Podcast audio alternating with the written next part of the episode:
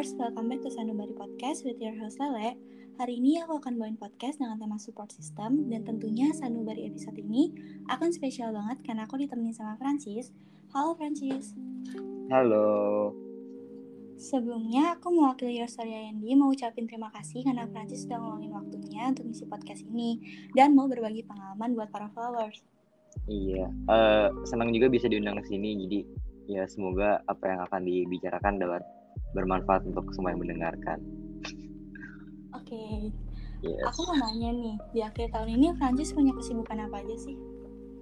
Di akhir tahun ini uh, kemarin sih terakhir ujian ujian apa minggu ujian ya di sini. Jadi terakhir tanggal 1 Desember. Tapi kan habis itu libur panjang. Jadi beberapa hari ini paling sibuknya ini sih uh, ngurusin kayak kegiatan ekstrakurikuler. Di sini bilangnya CCA co-curricular activities gitu. Jadi ngurusin apa organisasi-organisasi terus kayak uh, klub sekolah dan lain-lain gitu sih. Cukup sibuk ya? Iya tapi masih bisa ada waktu buat main kok pas liburan. Berarti sama kayak pelajar pada umumnya ya yang baru selesai ujian akhir tahun. Iya betul Nah, buat Francis sendiri, pas ujian kemarin udah ngerasa maksimal belum sih ngerjainnya? Eh, uh, to be honest kayak gara-gara ini baru semester pertama kan di sini, jadi masih ada adaptasinya. Uh, terus kayak apa namanya baru ng ngadepin soal kuliah, terus kayak uh, ujian pertama aku di kuliah, jadi kayak sebenarnya kalau menurut aku sendiri kayak belum gitu maksimal karena ya belum puas lah gitu apa walaupun kayak belajarnya udah sebisa mungkin tapi aku rasa kayak sebenarnya masih bisa lebih lagi gitu. Jadi tapi ini kan masih masa adaptasi jadi ya ya dijalanin pelan-pelan aja sih gitu. Ya. ya baru menyesuaikan diri juga sama ujian di sana kan ya? Betul betul. Oke. Okay. nah selama ujian itu Francis pernah ngerasa gak sih kayak capek ujiannya banyak banget? Terus pas lagi capek gitu ada support system yang ngasih dukungan atau semangat buat ngejalan ujian nggak sih? Hmm, kalau capek sih pasti ya kayak ya di mana-mana kayak stres itu pasti dapat. Kalau misalnya kita mau coba ngeraih sesuatu gitu. Cuman kalau di sini ya enaknya walaupun kita kuliah di luar gitu kayak ada tem banyak teman-teman kita yang juga susah bareng gitu. Jadi kayak biasanya tuh sebelum ujian ya kita belajar bareng terus gitu loh. Jadi kita nggak stres masing-masing tapi kalau pusing ya pusing bareng kayak kita misalnya lagi ngerjain soal nih ngerjain apa soal-soal tahun lalu gitu. Kayak kita pasti aduh ini susah banget. Tapi kayak nengok kanan nengok kiri ih mereka juga kesusahan gitu. Jadi kadang-kadang kayak ketawa sendiri kayak ya kita nggak sendirian gitu loh. Jadi itu salah satu support systemnya sih. Terus kayak orang-orang di sini ya kayak mereka pada mau ngajarin banget. Apalagi di sini kan orangnya kebanyakan pinter-pinter kan. Kalau aku sebenarnya termasuk average gitu loh. Jadi sebenarnya kayak aku yang lebih, lebih baik nanya mereka gitu. Jadi ya mereka sebenarnya kayak mau bantu banget nggak nggak egois sendiri kayak senang mereka bantunya terus belajarnya jadi enjoyable juga gitu nggak stres gitu. Jadi stresnya bareng-bareng belajarnya bareng-bareng jadi nggak sendirian gitu ya? Betul betul nah sebelum kita lanjut, aku mau ngasih tau nih buat para flowers yang belum tahu tentang apa itu support system. Jadi, dikutip dari Mayo Clinic, support system itu merupakan dukungan orang-orang seperti teman, sahabat, keluarga, atau orang-orang yang dipercaya dapat membantu melewati masa-masa sulit. Kalau buat Francis sendiri, arti support system itu apa sih?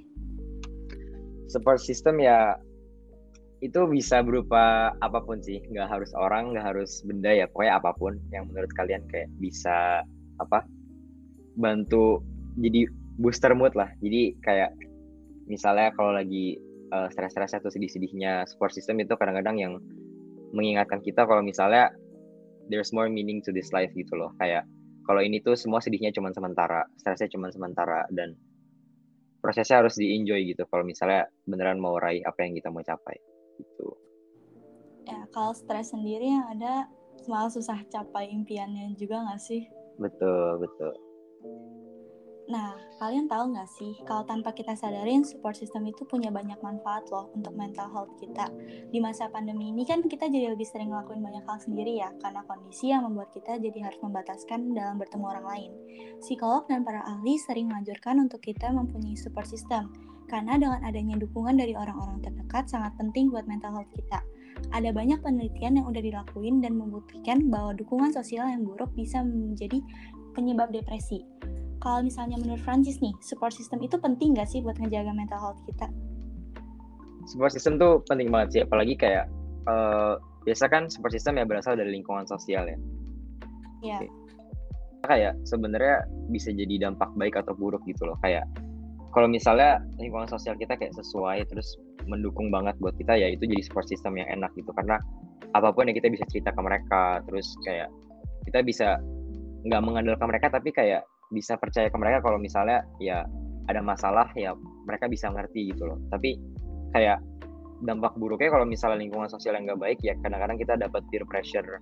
Jadi kayak hmm. dapat apa namanya uh, pressure dari sekitar kita lah. Kayak misalnya nilai harus bagus lah apa-apa kayak padahal itu kan sebenarnya jalan kita masing-masing. Jadi support system itu butuh banget terus kayak penting banget kalau misalnya mau menjaga mental health yang stabil gitu ya benar banget. Kadang kita terlalu dapat tekanan dari orang-orang kayak nilai harus bagus apa apa harus maksimal. Tapi nyatanya kan ya pasti ada kurangnya lah nggak bisa terus-terusan sempurna. Betul betul. Nah selain untuk mental health support system itu masih punya banyak manfaat lain loh. Yang pertama, mendorong pilihan atau perilaku positif. Salah satunya adalah untuk mempengaruhi pilihan dan perilaku positif. Jadi, semisal kalian belum punya pilihan untuk melakukan sesuatu dalam hidup, ternyata peran support system itu pengaruh banget loh. Nah, aku punya pertanyaan nih buat Francis. Francis pernah nggak sih ngerasain peran pentingnya support system dalam memutuskan pilihan? Hmm, support system yang mengaruhi pilihan banyak sih. Kayak misalnya support system kan nggak harus orang kan. Kayak kalau orang bisa aja kayak mempengaruhi kita. Tapi misalnya aku kayak sering apa biasanya kalau misalnya lagi stres suka main basket sendiri gitu. Kayak kadang-kadang waktu istirahat kayak sebentar gitu buat mikir sendiri itu kadang-kadang kayak mempengaruhi pilihan kita banget. Misalnya apa namanya jadi pindah jurusan atau enggak deh misalnya kalau masalah-masalah tentang kuliah lah ya.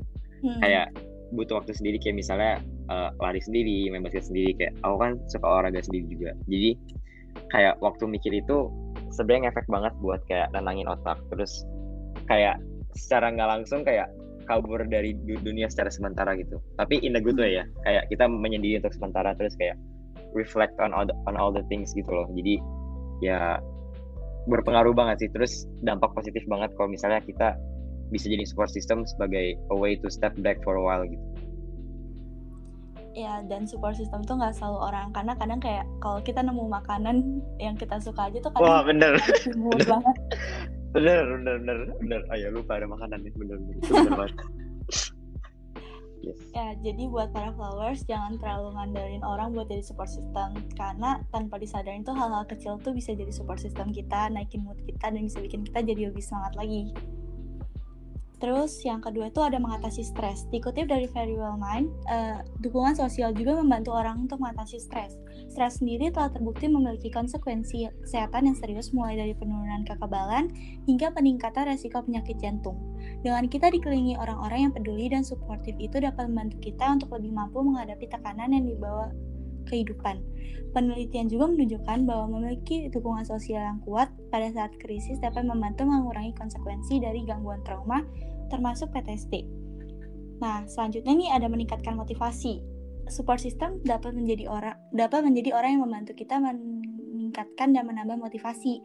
Contohnya tuh kalau kalian lagi ada dalam proses meraih impian cita-cita, terkadang kan kita dari satu titik di mana ngerasa capek banget ya, terus kepikiran buat berhenti ngejar mimpi itu. Tapi kalau kita punya support system yang terus memberi dukungan, kita kan akan lebih termotivasi dan kembali ngejar mimpi tersebut. Nah, pertanyaan lagi nih buat Francis. Pernah nggak sih ngerasain ada titik capek ngejar mimpi, tapi karena punya support system jadi semangat lagi gitu buat ngejar mimpi itu?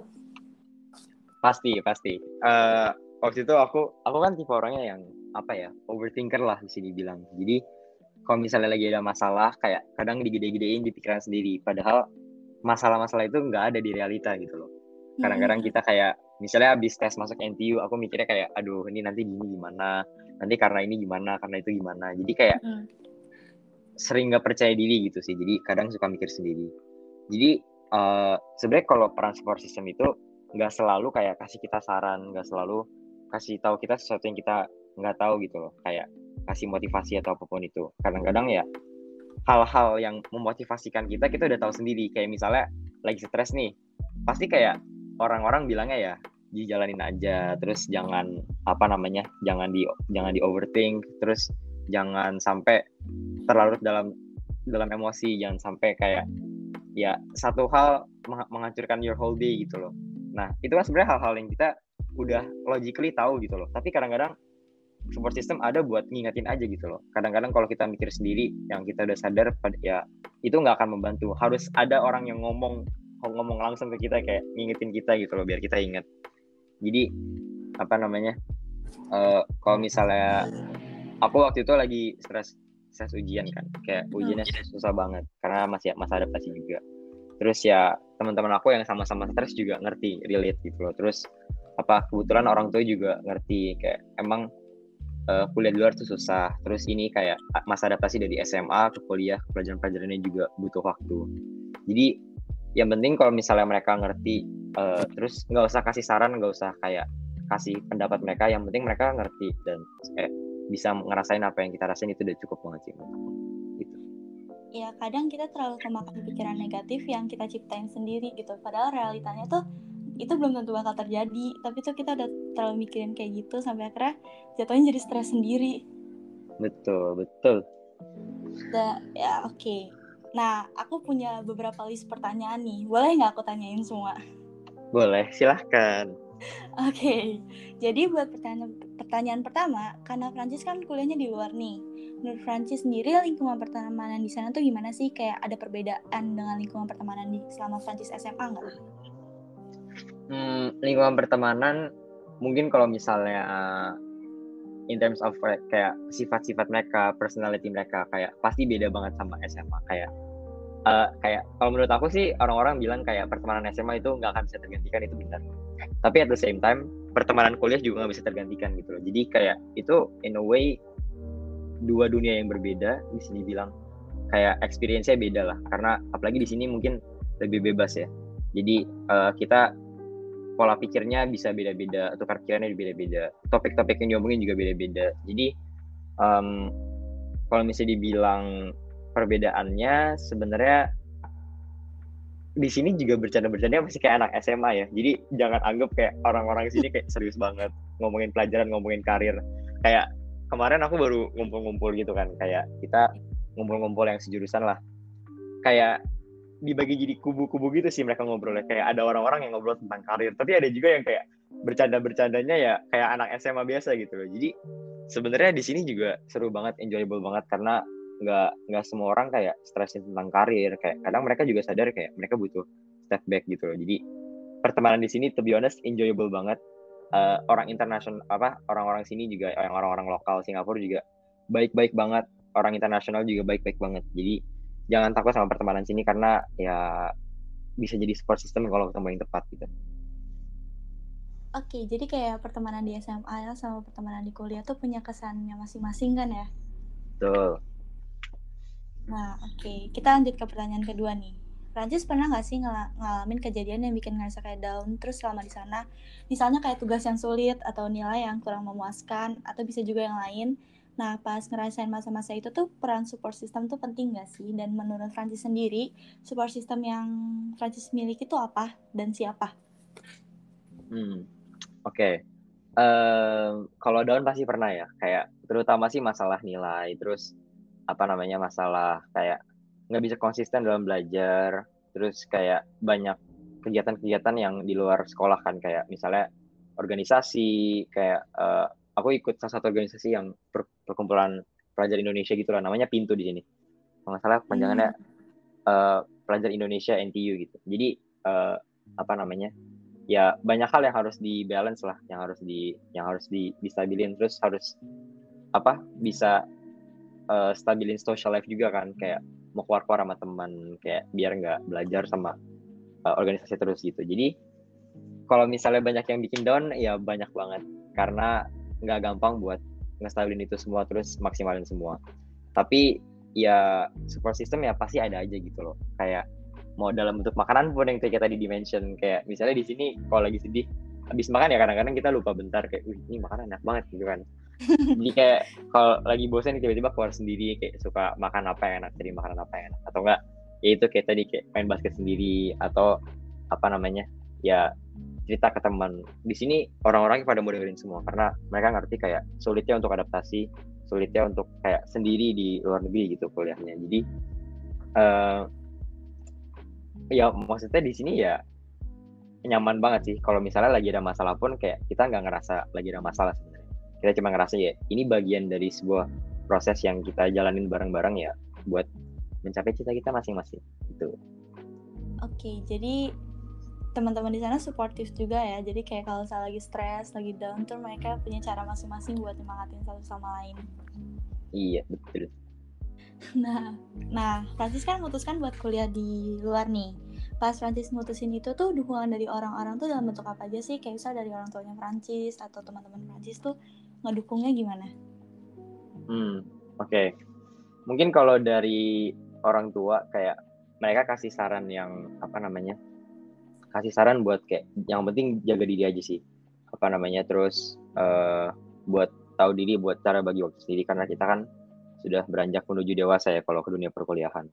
Terus ya aku juga bersyukur kayak mereka masih mau biayain aku buat kuliah di luar negeri. Karena kan kebetulan nggak full beasiswa ya. Jadi ya ini sih sekarang sih masih coba cari-cari beasiswa lagi tapi ya itu sih kayak masih bersyukur kayak mereka masih bisa support dalam apa namanya biayain kuliah di luar negeri gitu. Apa jadi aku bersyukur banget bisa dapat kesempatan buat kayak experience kuliah di, di luar gitu kayak apa gitu. Terus kalau kayak dari teman-teman SMA gitu sih ya mereka ikut senang gitu loh karena ya ngelihat perjalanan persahabatan kita kayak dari dari awal sampai sekarang kayak udah bertahun-tahun temenan tapi akhirnya ya di mana ada pertemuan pasti ada perpisahan gitu kan jadi ya mereka sedih tapi at the same time mereka kayak support banget karena ya senang gitu ngeliat temennya sendiri kayak udah ada jalannya sendiri coba ngeraih apa mimpinya sendiri jadi ya kalau di, di Indonesia sih ya mereka semua keluarga sama teman ya pada pada saling support pada senang pada senang banget lah kalau kayak ngeliat temennya sahabatnya bisa sampai titik ini gitu. Ya pasti sedih karena ada perpisahan tapi satu sisi pasti bangga juga kan temannya bisa kuliah di luar kuliah ketemu lingkungan baru juga Iya. Mereka juga sama-sama ngeraih mimpi kan di Indonesia. Yes, yes. Nah, setelah Francis mutusin buat masuk NTU atau pilih NTU buat jadi tempat kuliah tuh pernah nggak sih ngerasa takut kayak gagal nih nggak keterima di NTU jarang atasnya gimana sih atau Francis ada plan B misalnya cari univ lain atau gimana? Pastinya pastinya ada merasa gagal karena jujur aja pas tes masuk itu aku kayak apa ya jadi emang 50% bisanya. Jadi sebenarnya apa ya uh, cara ngatasin itu ya sebenarnya di, di itu nunggu masalah waktu aja sih. Karena pasti setelah tes itu pasti kena mental banget. Ya, pasti pusing banget karena kita banyak pikiran kan aduh nanti kalau nggak kerja di sini gimana nggak kerja di sana gimana? Tapi ya kadang-kadang kita terpatok ke pikiran kayak harus dapat kuliah yang bagus buat dapat kerjaan yang bagus buat masa depan yang bagus. Tapi sebenarnya enggak juga. Itu semua tergantung kita dari diri kita sendiri masing-masing gitu loh.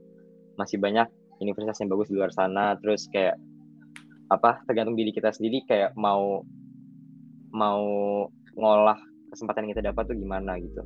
Jadi waktu itu sih aku daftar beberapa universitas lainnya. Terus ya bersyukur juga kayak dapet.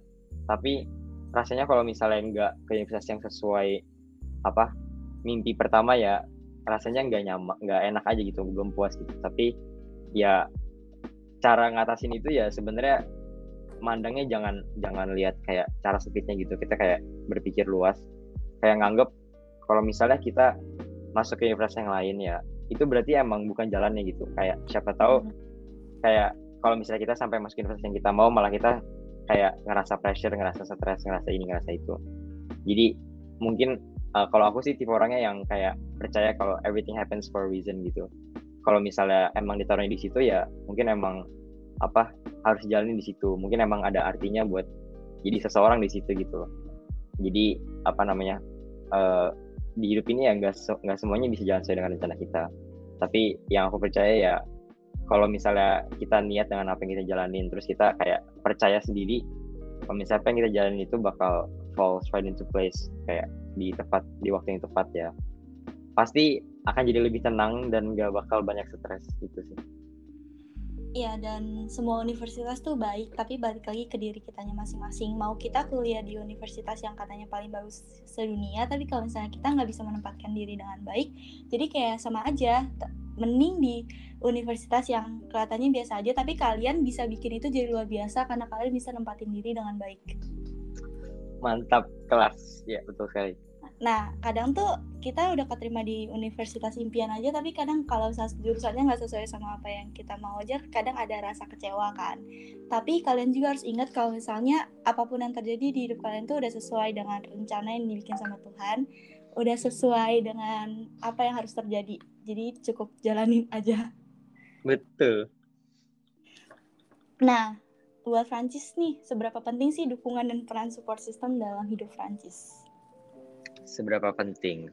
Ya aku kan tipe orang yang ya lumayan emosional lah. Kayak bukan tipe orang yang justru kayak lebih apa ya lebih feeling daripada thinking gitu sih bilangnya. Jadi lebih log, lebih berperasaan daripada logic logic jadi kalau misalnya nggak ada support system kayaknya nggak bakal bisa jalanin kehidupan ini sendiri gitu. Pasti kayak sering sedihnya sering stresnya sering ini. Tapi karena ada orang-orang yang kayak nyambung connect sama aku gitu di sini. Jadi ya bersyukur banget kayak selama kuliah tuh walaupun susah dan apa challenging tapi kayak dijalaninnya enjoyable banget terus fulfilling banget gitu. Karena kalau misalnya satu tugas udah selesai rasanya ya lega terus puas karena yang penting kita udah melakukan semaksimal mungkin gitu kan. Terus ya salah satu sebuah sistem di sini yang kayak bisa ketemu langsung ya teman-teman di sini gitu terus ya keberadaan mereka penting banget karena ya mereka juga tahu apa yang kita lagi ngalamin. Terus mereka juga apa namanya kita ngelakuinnya bareng-bareng gitu. Jadi kayak ngeliat mereka susah juga ngeliat kita saling lihat kita saling susah. Jadi sebenarnya itu itu mimpinya di situ sih. Kayak kalau misalnya udah lulus pasti kita kayak look back aduh ingat gak sih dulu pas kita belajar ini susah-susah? Terus kayak akhirnya kita udah lewat. Kayak ngapain kita pusingin waktu itu padahal ya sekarang kita juga nggak nggak gitu peduliin kayak misalnya ujian itu gitu loh kayak satu ujian nggak menentukan semuanya gitu kan. Ya jadi lumayan ini sih lumayan lucu sih kalau dilihat kayak gitu jadi terus ya enjoyable lah di sini pun. Jadi kadang stresnya bareng-bareng dinikmatinya juga bareng-bareng gitu kan? Iya bener. Nah dampak positif dampak positif dari support system buat Prancis itu apa sih misalnya Prancis ngerasain dampak positifnya apa aja? Dampak positif ya. Mungkin uh, kita jadi jadi ngerasa nggak sendirian itu paling pertama sih. Kita jadi nggak ngerasa sendirian. Terus kedua kita diingatkan kayak apa ya semuanya itu sementara gitu loh. Sedih sementara tapi senang juga sementara. Jadi jangan terlalu nyaman di satu tempat. Kita harus bisa fleksibel bisa beradaptasi di semua situasi. Terus apa apalagi ya mungkin yang positif ya kita jadi ini sih jadi apa namanya jadi ada keinginan untuk membantu orang lain juga. Karena kayak banyak orang yang bisa jadi support system kita jadi kita harus ngelakuin hal yang sama buat mereka sih. Kalau itu menurut aku kayak uh, itu hal yang lumayan penting. Karena kayak kalau aku sendiri nggak suka ngeliat orang-orang lain sedih gitu loh. Jadi kalau misalnya aku bisa bantu sebisa sebisa apa pun ya aku coba bantu semaksimal mungkin. Kayak coba dengerin mereka cerita coba ter tergantung sih kalau orangnya pengen didengerin ya kita didengerin. Kalau misalnya mereka saran ya kita kasih saran. Tapi itu penting kayak pentingnya ada ya support system buat kita ya ngajarin kita juga kalau misalnya kita harus ada buat orang lain juga gitu loh. Nggak cuma berpatok diri kita sendiri. Karena ya mau gimana pun ya semua orang pasti kayak ada soft spotnya masing-masing. Terus ada pikirannya masing-masing jadi kita nggak bakal tahu mereka butuh bantuan atau enggak harus kita yang reach out duluan gitu gitu penting Oke, jadi hidup kan maju. Kalau sedih sementara aja, kalau senang juga sementara aja, jangan larut-larut. Karena kasihan ya. waktunya kebuang lama. Betul, yang buat makan ya, gak? nah, aku boleh minta tips gak sih gimana caranya supaya mental health koko tuh tetap aman dan dalam milih untuk study abroad dan dalam apa ya misal with or without support system tuh selama proses pendaftaran pengumuman dan sekarang tuh official jadi mahasiswa NTU tuh gimana? Oke, mungkin ini kalau dalam bicara mental health pasti roller coaster ya dari pertama daftar sampai sekarang udah di sini gitu jadi yeah. Iya. uh, pas pertama daftar tentu aja excited tapi at the same time takut karena kayak kurang percaya diri lah kayak mau coba masuk universitas yang kayak banyak orang mau masuk juga gitu loh jadi yeah. Kayak pertama-tama sih sebenarnya rada nggak percaya diri rada takut jadi itu ya. Ada lumayan ada pikiran tapi belum terlalu mikir lah karena juga masih disibukin sama pelajaran SMA kan. Nah habis itu mulai dekat-dekat tes hari ujian tes masuk itu udah mulai belajar belajarnya yang gila-gila lah gila-gilaan belajarnya. Karena kayak kepengen banget gitu kan. Ya itu udah mulai itu udah mulai kebakar lah otaknya. Karena ya dicampur dengan stresnya pelajaran terus takut ini takut itu takut yang apa namanya ya itu lumayan sulit ngelewatinnya. Um, soalnya kayak apa orang tua juga sebenarnya kayak kita nggak bisa expect mereka kasih saran yang kita mau gitu loh. Jadi apa namanya yang mereka bisa cuma dengerin terus kayak sebisa mereka gitu. Tapi kadang-kadang kalau misalnya kita lagi sedih lagi apa pasti ada aja di pikiran kita kayak aduh kita pengen orangnya ngomong gini orangnya ngomong gitu. Tapi kan nggak bisa ya. Jadi with or without support system ya itu susah sebenarnya. Tapi kayak sekali lagi sebenarnya tergantung gimana cara kita ngelihatnya. Kayak proses itu itu sebuah proses yang kita ngejalanin buat ngeraih sesuatu yang kayak nggak bakal sia-sia gitu kalau misalnya kita mencapai. Jadi ya waktu itu sih pikirannya sebenarnya ya, ya ini cuma baru di tengah-tengah perjalanan. Kalau misalnya putus asa sekarang kayak apa gunanya gitu loh. Karena aku udah pernah di posisi ya di mana aku putus asa dan kalau misalnya nge ngebandingin mending putus, atau enggak ya mending enggak gitu loh jauh. Karena outcome-nya juga jauh banget perbedaannya gitu. Terus ya pas tes masuk ya itu itu sejujurnya nggak mikir apa apa sih pas tes masuk kayak benar-benar fokus mode banget kayak in the zone banget pas ngerjain. Jadi terus dia nggak mikir apa apa kelar tes masuk baru mulai mikir kayak aduh ini kalau misalnya nggak keterima gimana? Ngecewain orang tua atau enggak ya? Terus masa depan terjamin atau enggak bla bla bla gitu. Uh, terus nunggu beberapa minggu tuh satu bulan atau berapa gitu kayak akhirnya dapat offernya keterima. Itu kayak senang banget. Senangnya ya ngerasa fulfilling lah kayak karena aku kan ikut bimbel juga kan kayak ngerasa bersyukur orang tua ya udah sampai biayain les kayak apa namanya udah sampai biayain tes masuk dan lain-lain ya. Itu kayak ngerasanya enak banget karena bisa apa bisa bagian orang tua juga gitu loh. Kayak mereka ngelakuin ini nggak sia-sia. Terus apa namanya uh, bisa bersyukur bisa kuliah di satu-satu kuliah yang impian aku sendiri dari dari dari awal gitu.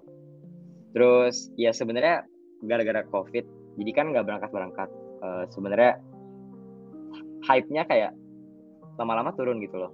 Kayak biasanya kalau misalnya orang baru masuk kuliah pasti kayak excited banget kan aduh ini bakal lingkungan baru bla bla tapi kan beberapa bulan pertama online full online. Jadi sebenarnya rasanya sedikit monoton nggak gitu excited. Nyampe sini juga udah mulai ujian tengah semester gitu lah jadi bilang jadi mulai excited lagi ya ini pas liburan ini karena wih bisa jalan-jalan gitu kan.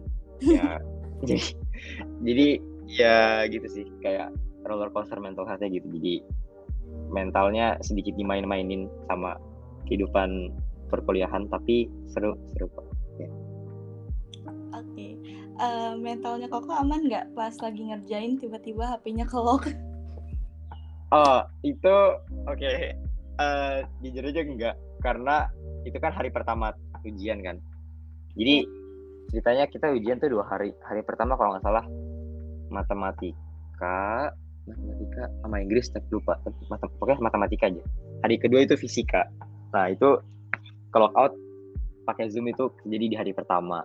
Nah itu sebenarnya udah kena mental lah karena udah soal ujiannya udah soal ujian yang nggak bisa. Terus kayak apa namanya ya tapi jujur aja gara-gara kelopak jadi ini sih jadi mikir kayak ah berarti ini kalau nggak keterima berarti gara-gara lockoutnya berarti bukan gara-gara bisa soalnya gitu kan. Jadi po positif tingginya gitu aja lah waktu itu di apa. Jadi kayak pas tes fisika besoknya ya aku udah mulai kayak ya udahlah jalanin aja gitu kan. Kayak masuk nggak masuk ya ya ini nggak tau lah gara-gara apa pokoknya ya ya udah gitu kan jalanin aja. Karena gimana ya lebih misalnya gini misalnya gini ya kita ambil skenario kalau misalnya aku ujian matnya bisa di hari pertama pasti kita kayak ambisius banget buat ngerjain di ujian hari hari kedua. Karena orang tuh lebih niat kalau misalnya udah dapat nilai bagus dari awal. Bener gak sih?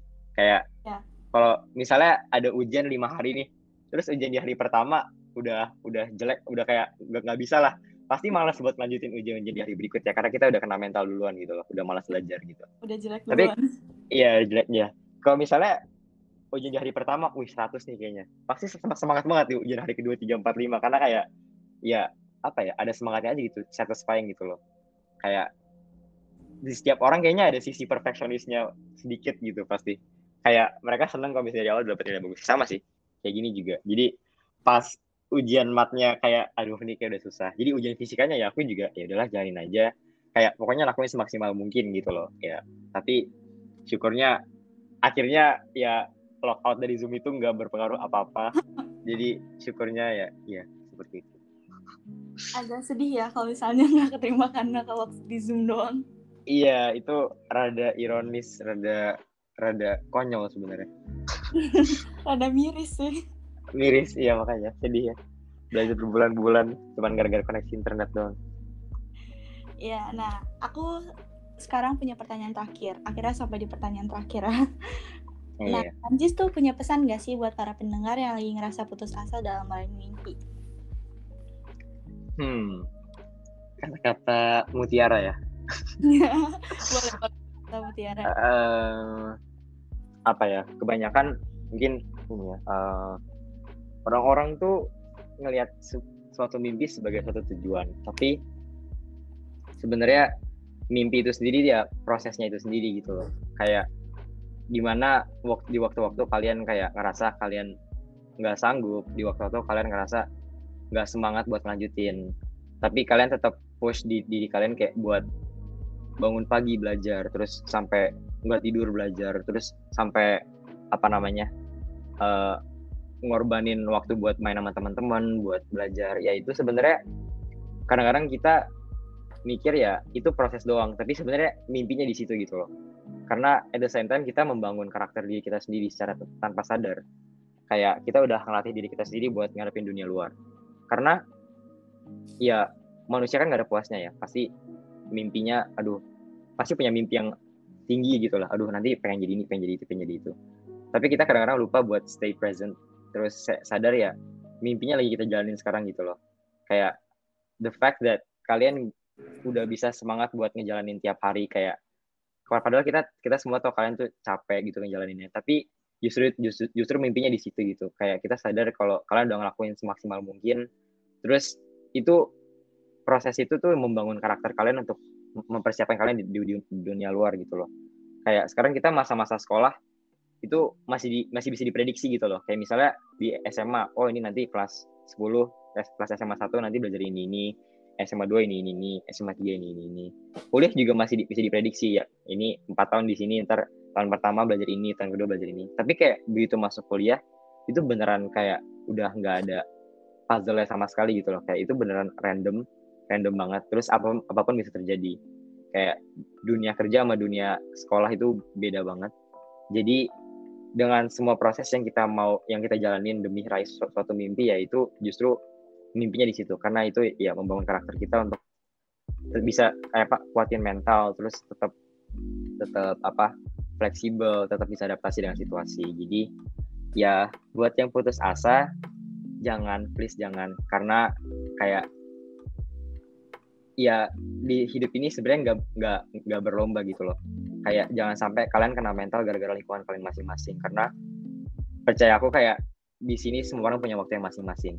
Kayak ada cerita ya orang yang selama kuliah nggak nggak berprestasi nggak berprestasi apa apa orang yang pas umur 30-an 40-an nggak ber- nggak berprestasi apa apa tapi ternyata dia baru ketemu passionnya pas umur 50 60 kayak ada yang kayak gitu kayak jangan anggap hidup ini kayaknya beban semua gitu. Jadi ya dijalanin aja terus di enjoy terus kayak jangan terlalu terpatok sama tujuan mimpi itu. Tapi kadang-kadang kita harus stay present terus sadar kalau proses yang kita jalanin itu sebenarnya mimpinya.